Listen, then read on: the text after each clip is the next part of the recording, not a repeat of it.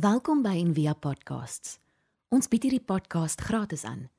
Om 'n bydrae te maak, besoek gerus ons webblad en via.org.za vir meer inligting. Palms en parfuum is die tema vir vandag. En uh dit is die Palm Sondag is natuurlik vandag en dan die ons skriflesing is die verhaal van die vrou wat die alabaster fles gevat het en gebreek het en oor Jesus uitgegiet het wat in die week afspeel van Paasweek of Heilige Week. So net om 'n bietjie weer te praat oor Palm Sondag. So Palm Sondag is herdenk die dag die Jesus se intog in Jerusalem in. En net om hierdie prentjie weer te skets en 'n bietjie konteks en so te gee. So dis belangrik om te onthou dat in die tyd van Jesus was politiek en godsdiens was heeltemal verweef. Dit was dieselfde ding. Dis nie soos in ons tyd waar die twee goeders apart van mekaar staan nie. Dis dieselfde ding. En 'n intog binne in 'n binne in 'n 'n stad in was 'n baie groot politieke verklaring ook gewees en en religieuse verklaring gewees op dieselfde tyd. So optogte en en feeste was deel van die kultuur van die dag. So, ons lees baie van optogte in Babelonie, optogte in in Rome en dit het 'n baie spesifieke struktuur en so gehad. So optogte in Jerusalem byvoorbeeld het altyd geëindig by die tempel dit lei na daai plek toe en ehm um, eindig dan by die tempel en Jesus se optog ook so ook is ook dan dieselfde. So die prentjie, net die prentjie te skep, die tyd van die jaar is Pasga. So Pasga wat ons verstaan nou wat nou Paasfees is of ons het dit verander in Paasfees. Pasga in die Joodse tradisie was die fees wat die uittog uit uit Egipte uit herdenk het. So dit gaan oor daardie spesifieke storie. Die maaltyd wat hulle gehad het die aand, die aand voor die tyd op die donderdag aand was die sedermaaltyd wat die wat die die uittog uit uit Egipte uit gevier het. 'n hoog simboliese simboliese maaltyd met met wyn en um, ongesuurde brood en allerlei en dis lam wat hulle geëet het en allerlei goeders. En die die die ding wat belangrik is om te verstaan is wanneer ons kyk na na hierdie na hierdie verhaal na hierdie hierdie storie van Jesus wat in Jerusalem inloop um op die donkie met die palmtakke en alles en Pasga as die konteks van dit. Pasga is soos dis dis amper gelykstaande aan aan iets soos soos Vryheidsdag in Suid-Afrika of soos soos 'n uh, Independence Day in Amerika. Dis 'n dis 'n dag van nasionale trots. So ehm um, dis die dag toe die Israeliete bevry is uit slawerny uit. So dis die konteks. Nou moet jy ook onthou dat in die tyd van Jesus was die Israeliete en die Jode en almal nog steeds onder die duim van die Romeine. En die Romeine was net een in 'n lang ry mense wat vir die laaste paar 100, 400, 500 jaar lank hierdie hierdie mense onderdruk het en verdruk het. So hulle op hierdie stadium in die geskiedenis is hulle nie vry nie. So hulle het swaar getrek onder die Romeine. Die Romeine het hulle misbruik. Die Romeine het hulle swaar belas en hulle het swaar gekry. Hulle het gehoop vir redding, vir vryheid. So met die Pasga was een van die grootste feeste en almal het Jerusalem toe te het toe gegaan. So Jerusalem was 'n stad uh, van die mense reken 'n stad van omtrent 20000 mense of so en aan die tyd van die Pasga reken van die mense het daai stad geswel tot soos 70, 80 na 100 000 mense wat so toe gegaan het. So ons weet ook dat tempelgronde self kan omtrent so 70 000 mense vat. Want dit is so 'n groot sportstadion. Daai hele plein kan omtrent 70 000 mense in staan.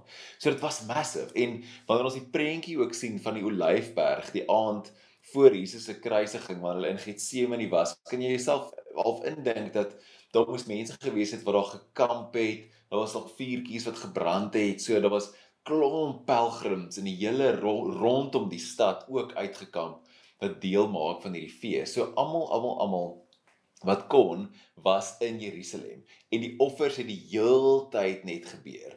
Daar was heeltyd offers gebring want dis wat almal moes doen. Jy moes jou lammetjie saambring of jy het 'n lammetjie gekoop by die tempel ten duurste en dan het jy dit geoffer vir jou en jou gesin is 'n is 'n sonde. So dan die priester die hand op die lam neergelê en dan die lam het dan die lam geoffer. So wat interessant is altyd van daai gebruik is dat daar was 'n daar's 'n Joodse wet wat sê dat die die lam moes soos 'n week of ten minste 'n paar dae by die gesin gebly het voordat jy hom offer.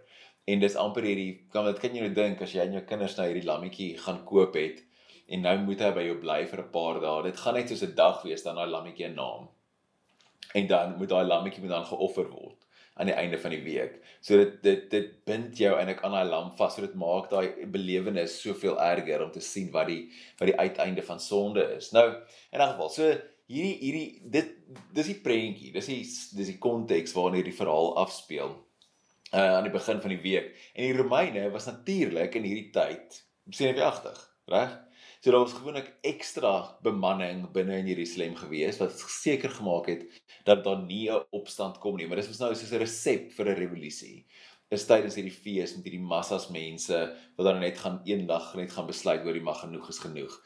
En nou dis soos 'n plofbare situasie. So dis heel moontlik ook kan die rede hoekom daar daai Vrydag van die Pasga die dag voor die Pasga, daai Vrydag dat daar twee rebelle daar beplan was om twee rebelle te kruisig, want dis waarvoor die kruis was. Die kruis was vir rebelle, vir mense wat opgestaan het teen of gerebelleer het teen die Romeinse ryk, reg?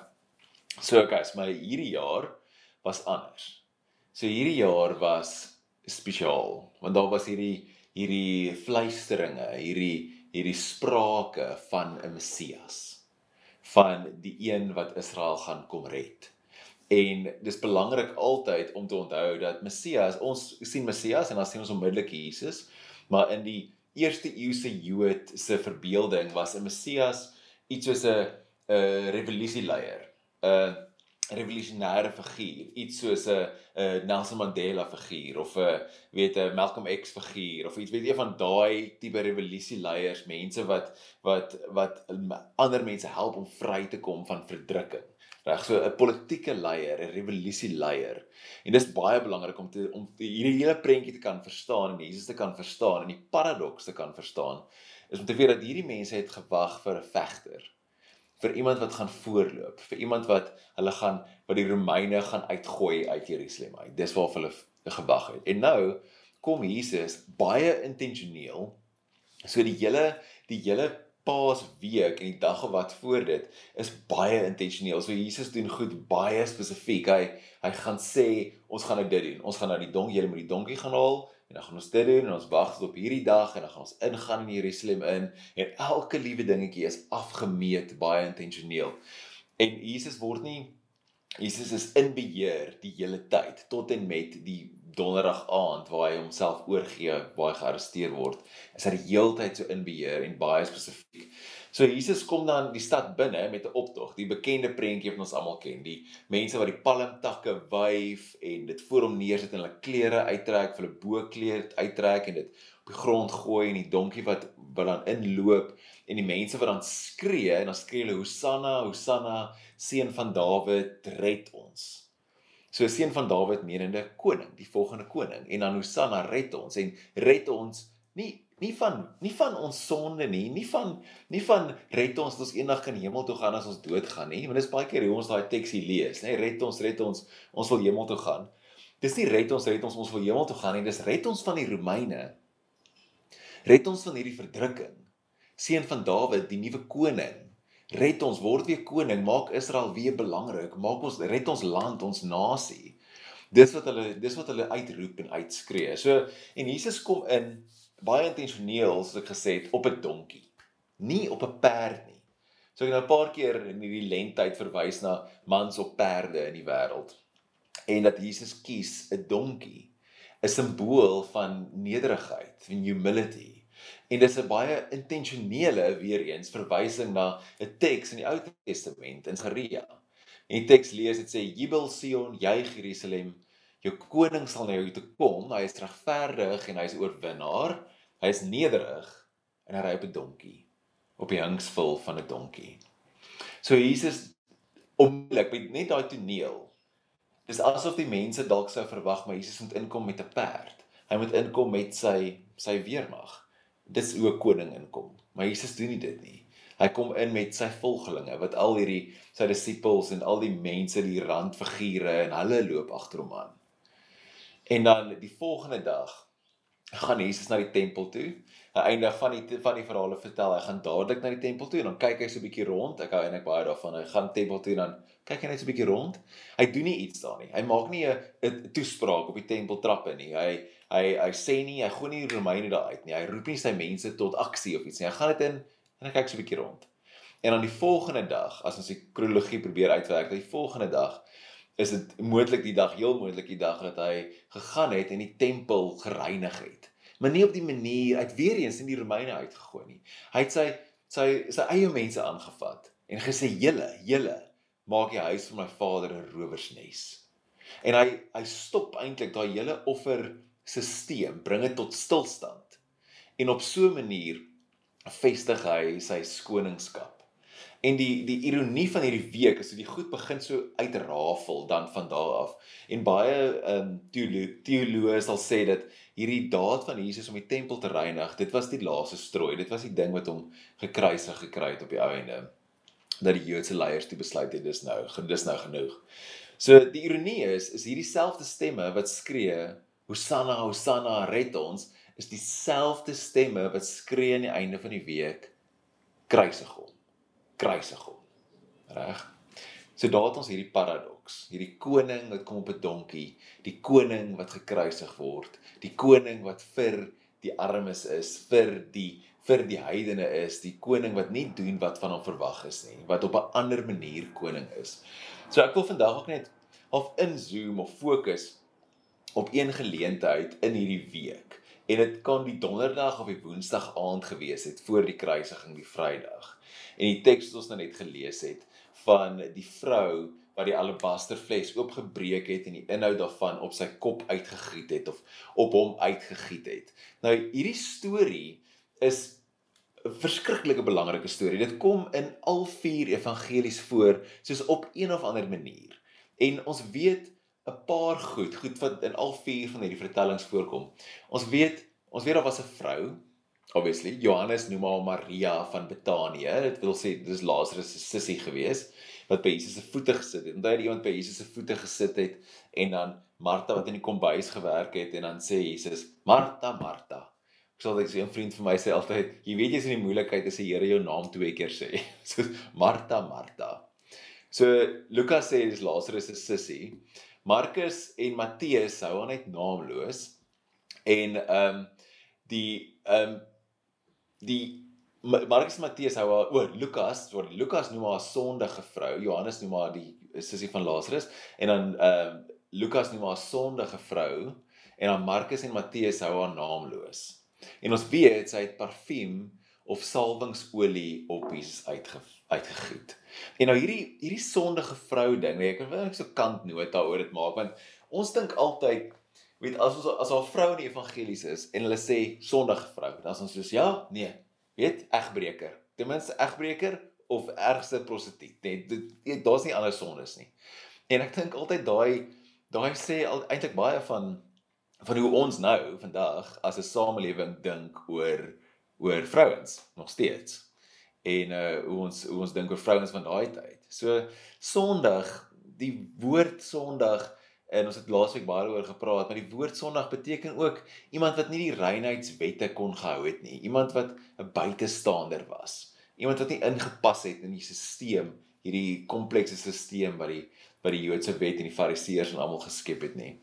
En dan so dis die vrou, ons weet daar's 'n vrou. So moontlik Maria, moontlik Lazarus se sussie, uh moontlik 'n ander Maria, moontlik uh, net 'n naamlose vrou.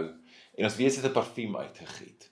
So hierdie is 'n is 'n duur parfuum. Die teks sê ook dit is 'n duur parfuum en die disippels se antwoord sê dit is dit was 300 silwerstukke, so 300 denari. So denari is die Romeinse geldeenheid. En 'n denari, 1 denari was 'n dagloon.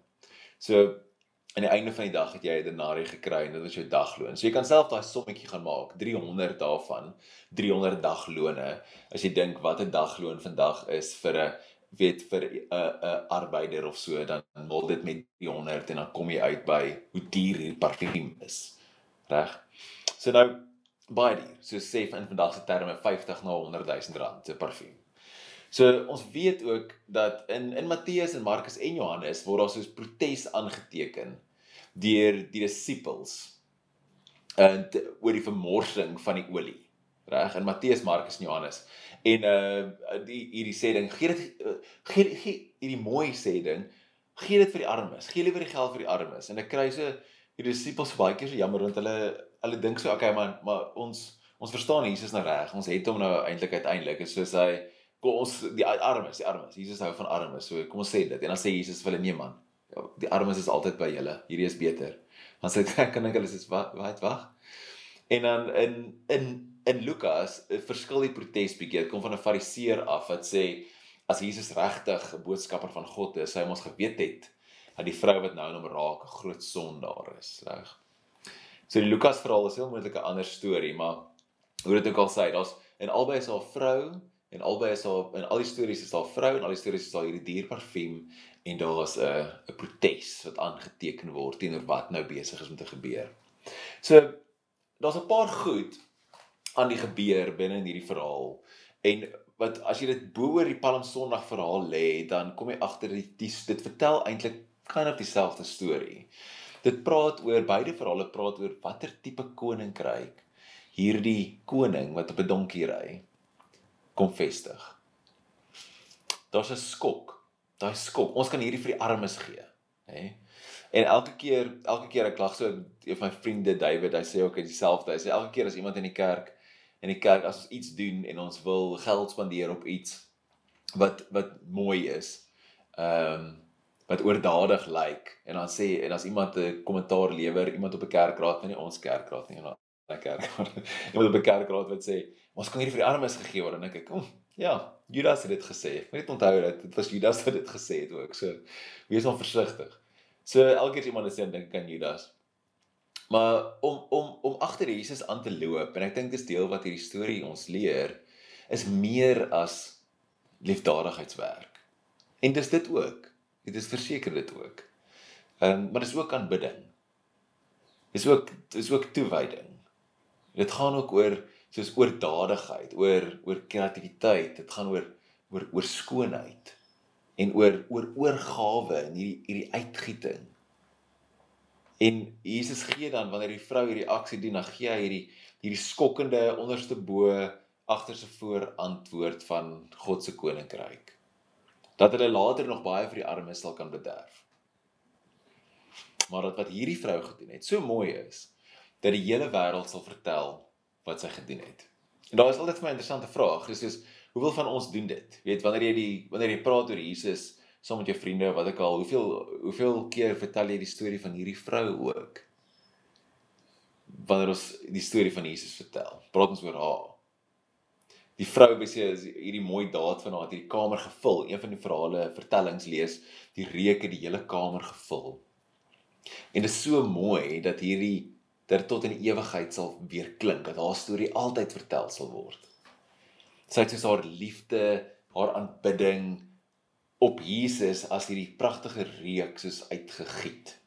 En sy breek hierdie houer en sy gooi al die kosbare inhoud uit. Sy is nie van plan om 'n bietjie oor te hou vir later nie. Sy gee alles soos hier en nou want Jesus is hier en nou, hy's hier. En dis wat saak maak nou. En hierdie vrou dink glad nie aan die toekoms nie. Want hierdie sulke tipe olies eh, was amper iets soos 'n belegging gewees in die tyd van Jesus. So dit kon dalk haar familieskat gewees het wat hulle gebeere het vir as haar sien maar droogte is eendag of as hulle swaar kry, dan kan hulle dit soos 'n nes eier. Maar sy dink nie aan dit nie. Sy dink nie aan die toekoms nie. Net aan Jesus. En dit is dan dis dan haar reuk. Ek het al hierdie baie vertel, maar so belangrik. Dis haar reuk wat aan sy lyf en sy hare sou vasklou dwars deur sy kruisiging. En ons kan selfs so ver gaan as om te sê dat dat sy in die, die een was wat in Jesus se gedagtes was die dag toe hy gekruisig is. Dat hy as dit ware eintlik vir haar gesterf het. En terwyl hy deur daai pyn en daai swaar kry en daai bespotting moes gaan dat hy heeltyd hierdie reuk aan hom gehad het wat haar aanbidding was, haar toewyding, haar haar uitgieting dat hy so ook vir almal gesterf het. Reg, so dis die eerste ding. Tweedens sê sy sy's 'n vrou. Die van die fariseer wat die wat die kommentaar lewer van as Jesus geweet het maar hierdie sondige vrou. Sy's 'n vrou. Weet hoe kan dit? Wat 'n skande. 'n vrou mag nie in 'n man se geselskap ingegaan het nie. Ehm um, en nog minder weet ander hulle geraak het. 'n man wat nie 'n man wat nie al man was nie, en nie meer getroud was nie. So Jesus se koninkryk en dit wys iets van hierdie koning op 'n donkie se koninkryk. Jesus se koninkryk is vir almal. En die, die teks wat ons vandag gelees het sê so in die huis van die melaatse, nê? Nee, so daar het jy al klaar soos wat? Wag, wat? In die huis van die melaatse, die mense wat uitgestoot is. Die huis van die melaatse kom 'n vrou 'n dalk bietjie van 'n dubious reputasie en salf Jesus. Hierdie koninkryk is iets anders. Om iemand te salf is om hulle status te erken. Soos ehm um, Samuel wat vir Dawid gesalf het om te sê maar jy gaan koning wees, reg? Dis wat die woord Messias beteken. Is die gesalfde, die held, hierdie held, hierdie groot held wat Israel gaan kom red. Hy is hy, daai een. So hy is die heilige een. Hy is die die gestuurde van God, die koning. Die een op wie God se guns en se gawe is, reg? Heiligheid, soos Dion nou gesê het, heilig, heilig is 'n woord wat my so 'n bietjie bang maak baie keer en so 'n bietjie hierdie groot ding.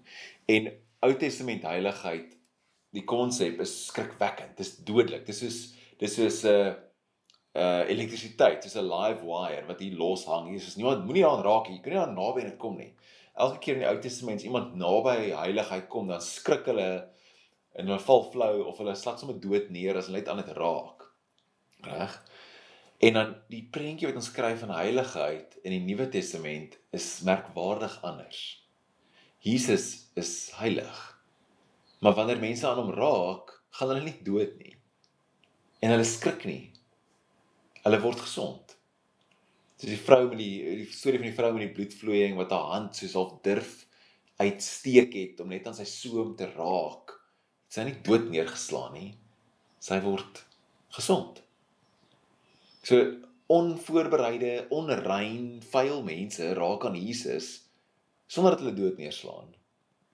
En sonder dat hulle vir Jesus onrein maak. Dis die tweede ding. Jesus se reinheid maak hulle eerder rein.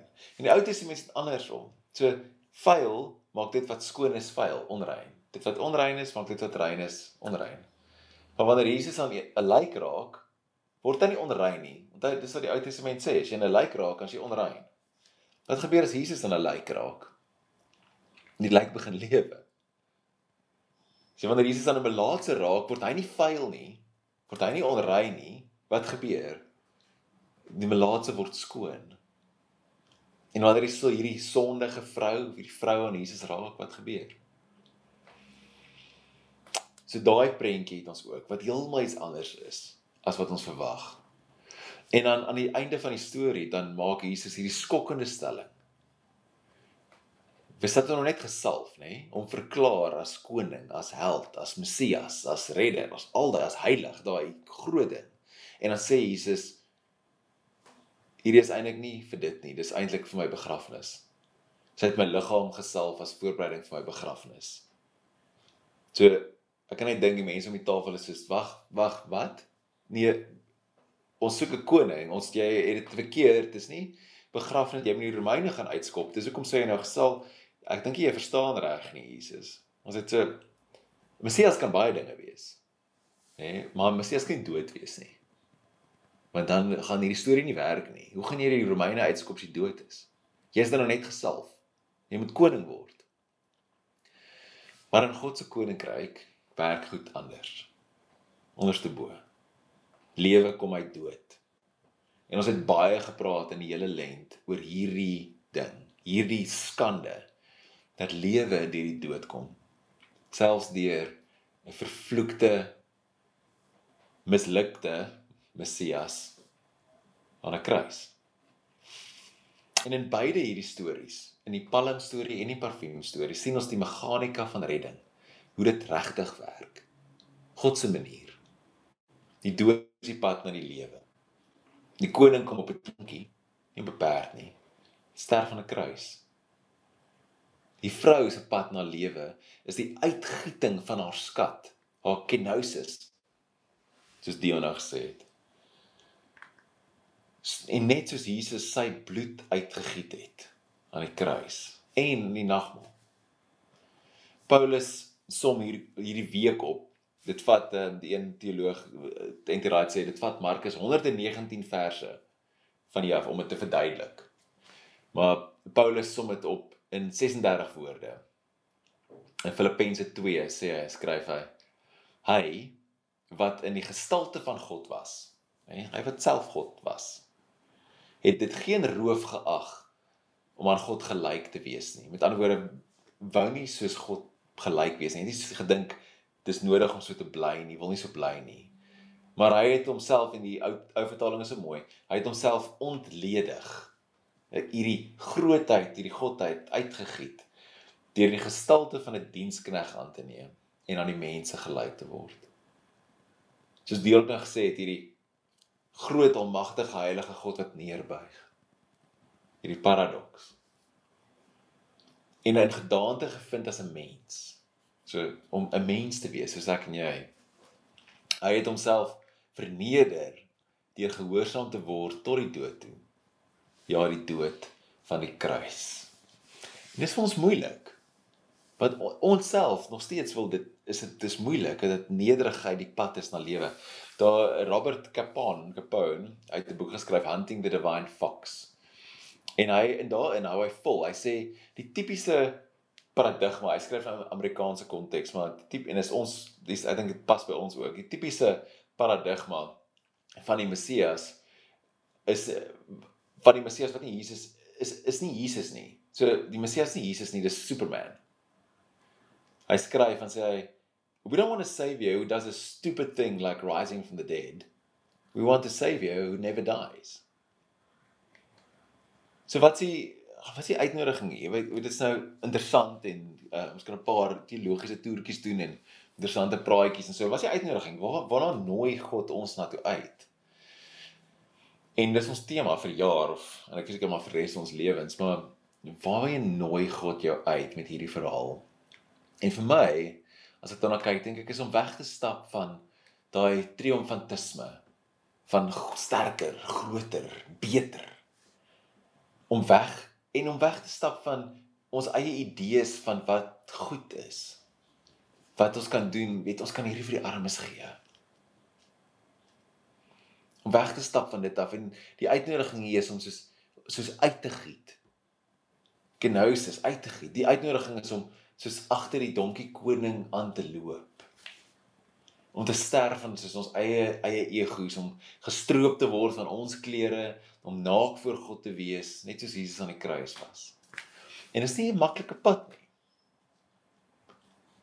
En nie om om die versoekings en gemak van sekuriteit en mag en aanvaarding daai kant toe te gaan nie.